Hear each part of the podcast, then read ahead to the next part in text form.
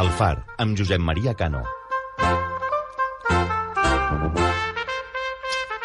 La, el relleu generacional en el cas de la cofradia de Tarragona, del barri del Serrallo, està sent molt complicat. De fet, en els darrers 20 anys s'han perdut el 70% de les barques i de les que queden, que passin de pares a fills o que hi hagin joves que vulguin agafar aquest relleu a l'hora de sortir a feinejar, cada cop és més complicat. Avui volem posar el focus precisament en aquesta situació. Daniel. Sí, perquè en comptes de parlar d'una tradició que es manté, la de l'arrelament pesquer en moltes famílies justament parlem de quasi bé el contrari. I el problema no només és el Serrallo, també hi ha molts ports de la demarcació de Tarragona on les noves oportunitats laborals en el jovent han fet que hi hagi menys interès en la pesca, però també hi ha altres factors que influeixen en això. Doncs ho volem parlar d'una banda amb la secretària de la Confraria de Pescadors del Serrallo, la Rosa Sanz, i també d'aquí uns instants amb una de les embarcacions que encara continua eh, amb aquest relleu generacional, no sé si per molt temps, com és l'embarcació de la Joana Sanz. Doncs, eh, si us sembla, comencem per la, per la Rosa, la secretària. Rosa, molt bona tarda i benvinguda. Bona tarda. I què està passant al Serrallo? O què ha passat al Serrallo? Mm, en si, el Serrallo sol no. I Tarragona sola no té aquest problema generacional. Té molts de ports de, de Catalunya. A veure, abans la, el que eren les, les barques de pesca eren molt familiars. El llum, una miqueta menys, perquè la, la tradició del llum és portar molta gent. Porten entre 10 i 11 homes, llavors costava més. Però les barques d'arrossegament era de pares, fills, nets... Vull dir, era de, anava passant de, de, de generació en generació. Portem uns quants anys que això ho hem perdut. Mm. Molt, s'ha perdut molt. Portem gent de fora, torna, encara són tradicionals perquè van germans, però veure famílies com l'avi, el pare i el net que estan a les barques, te puc dir que queda un 10%, si no queda menys. Uh, deixa'm preguntar-li al Pepito Sans, que el tinc al telèfon. Pepito, molt bona tarda i benvingut. Bona tarda. Uh, és com explica la Rosa, no?, d'alguna manera? És a dir, això cada cop és més sí. complicat. Ja, ella coneix el problema com ara, com ara tots, com ara tots. O sigui que tots, tots, tots el vivim, aquest problema, tots el vivim. D'una manera o de l'altra, tots el vivim. Mm. Mm. Uh, expliquem una mica, perquè uh, hem parlat que, que evidentment costa que el jovent s'enganxi amb el cas de l'embarcació Joana Sans, on, on jo diria que, que l'avi, per tant, és en Pepito, però que és el seu fill i el seu net qui estan ara mateix a l'embarcació. Uh, això no és l'exemple mm, que passa en la resta d'embarcacions al port del Serrallo, sinó que és el cas excepcional, quan abans això era la norma general, no, uh, Rosa Pepito? Sí, sí, sí, pràcticament sí, pràcticament sí. O sigui que alguns, alguns com ara jo, diguéssim, eh, hem aguantat la barca i així, doncs, perquè saps que al darrere et ve algú, ve el relleu, diríem. Però, i, i què més que sap greu, ojo, ojo l'has cremat el seu dia, no m'entén? I allò que diuen mort el perro s'acabó la ràbia. Perquè ara excavant, excavant, i en aquestes condicions que estem vivint, doncs sempre van, sempre van rabiant perden més la salut pel que pugui passar o pel que està passant que pel treball. Però, d'una manera o l'altra, han d'aguantar. I, I això és el que estem vivint. Rosa, en aquest cas, el que dèiem, no? que, que el cas de, de l'embarcació d'en Pepito és l'excepció eh, que confirma la regla en què s'està perdent no? aquest, aquest relleu generacional? Sí, s'està perdent, diguéssim, els mateixos pares els avis ells mateixos ja no els inciten a que vagin a la mar. Vull dir, el pare mateix te diu que estudi, que faci carrera i que s'olvidi de lo que tenim aquí. Vull dir, està, estem en un problema que, vull dir, som una espècie en extinció. Vull dir, és que la premitja que tenim la majoria de, de ports pesquers són de 45 a 50 anys la mitja. Com sabeu tot, el pescador als 56 anys, 57 ja es pot jubilar. Ja. Vull dir, mm. no en tenim. Una, la problemàtica que està vivint ara en tot el que són les normatives europees, en tot el sector que s'estan comparant en l'Atlàntic, com si fossin flotes d'actura, quan són flotes d'artesanals, que per molt modernes que tu les veguis, aquestes flotes, flotes petites, segueixen sent artesanals. Sí, porten molt més mecanismes més moderns, però són artesanals. I el, tot el que es ve de la normativa europea està acabant en, en el patiment i no volen, no volen seguir. La, la, és a dir, aquesta dificultat de relleu generacional ve marcat sobretot i bàsicament per, no, no tant per la duresa de la feina com per la poca rendibilitat de, del fet de ser pescador, perquè realment guanyar-se la vida és molt difícil? A veure, guanyar la vida és molt difícil. Estem en un moment, vull dir, que costa molt. El, a veure, tenim preus molt bons, vull dir, a veure, un preu mig del peix, vull dir, a veure, està bé, però el preu s'ha estancat en el significat de que tenim molt de peix de fora que entra. Hi ha molta vessant de molts aports, vull dir, a veure, d'Àfrica, Sud-amèrica, llavors el preu costa que pugi. Guanyar molt bé la vida els hi costa al pescador.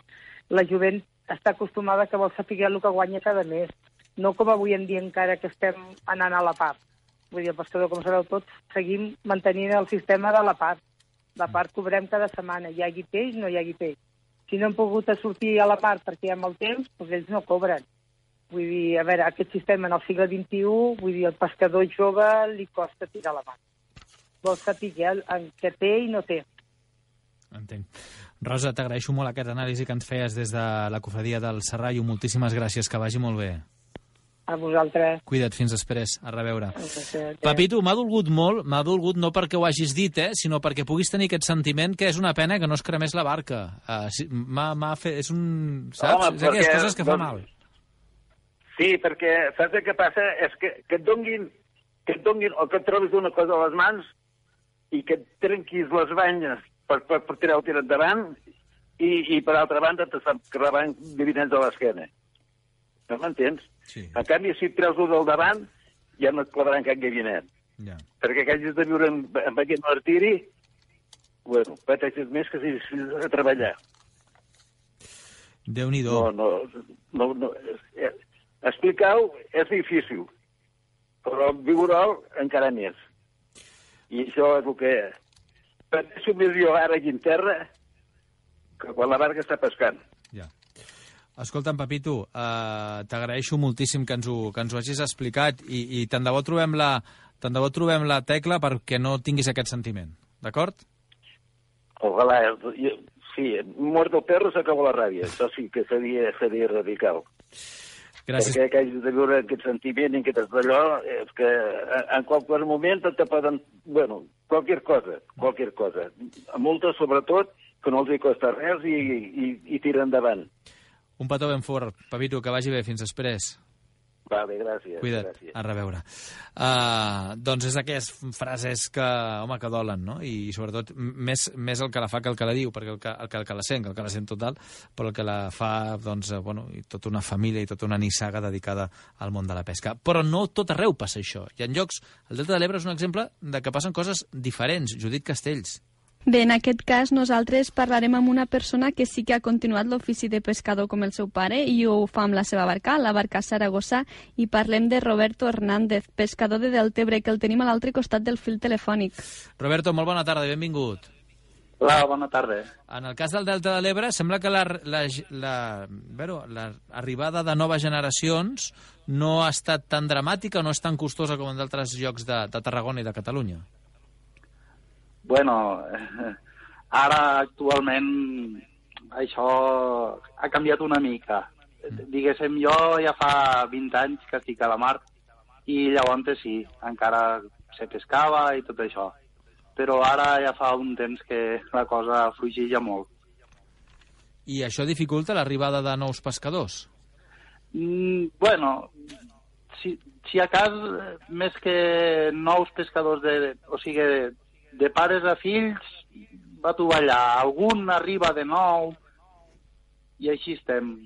Jo, de moment, he continuat, el que passa que també veig que s'està ficant molt, molt malament. I Roberto, en el teu cas, com és que vas decidir dedicar-te al mateix que es dedicava el teu pare? Bueno, vaig sortir del col·le, no volia estudiar i mon pare tenia una barca junt en, en un soci i va comprar la part i després eh, vaig ficar, als 16 anys me vaig ficar jo i ja està, i, i he continuat fins ara. Perquè tu, Roberto, tens germans?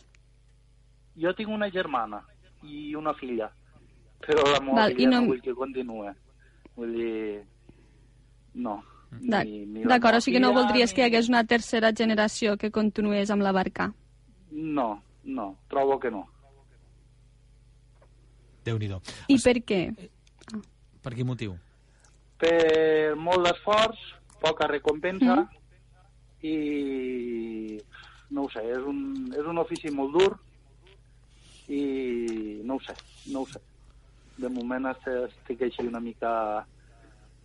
Mm. Jo, jo a lo millor sí que continuaré, de fet tinc la barca en venda, però de moment continuaré fins que la vendré. Correcte, és a dir, que tu també plegues del, del sector.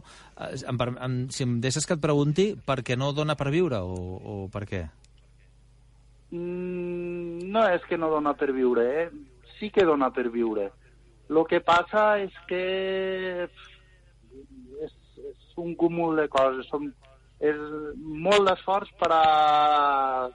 Si la mateixa recompensa de tindre un treball... A... Sí que la, les coses estan molt malament per tots els oficis, però aquí tampoc tampoc dona com per a... I no saps el dia de demà lo que, si això continuarà millor, continuarà pitjor i... I, no de, ho sé, i què faràs? molt difícil. I què faràs quan la venguis?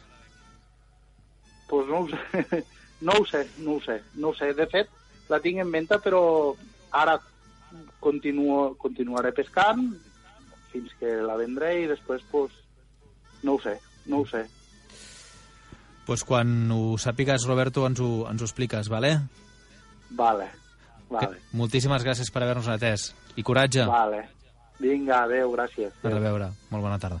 Doncs què voleu que us digui? Uh, durs testimonis el que hem sentit ara en aquests minuts de gent que doncs, uh, deixa el món de la pesca per segurament per tot una mica, eh? per la duresa, però també per, pel que arriba des de fora que no ajuda gens. Ho seguirem, evidentment, des del far. Gairebé dos quarts. Navega amb el far.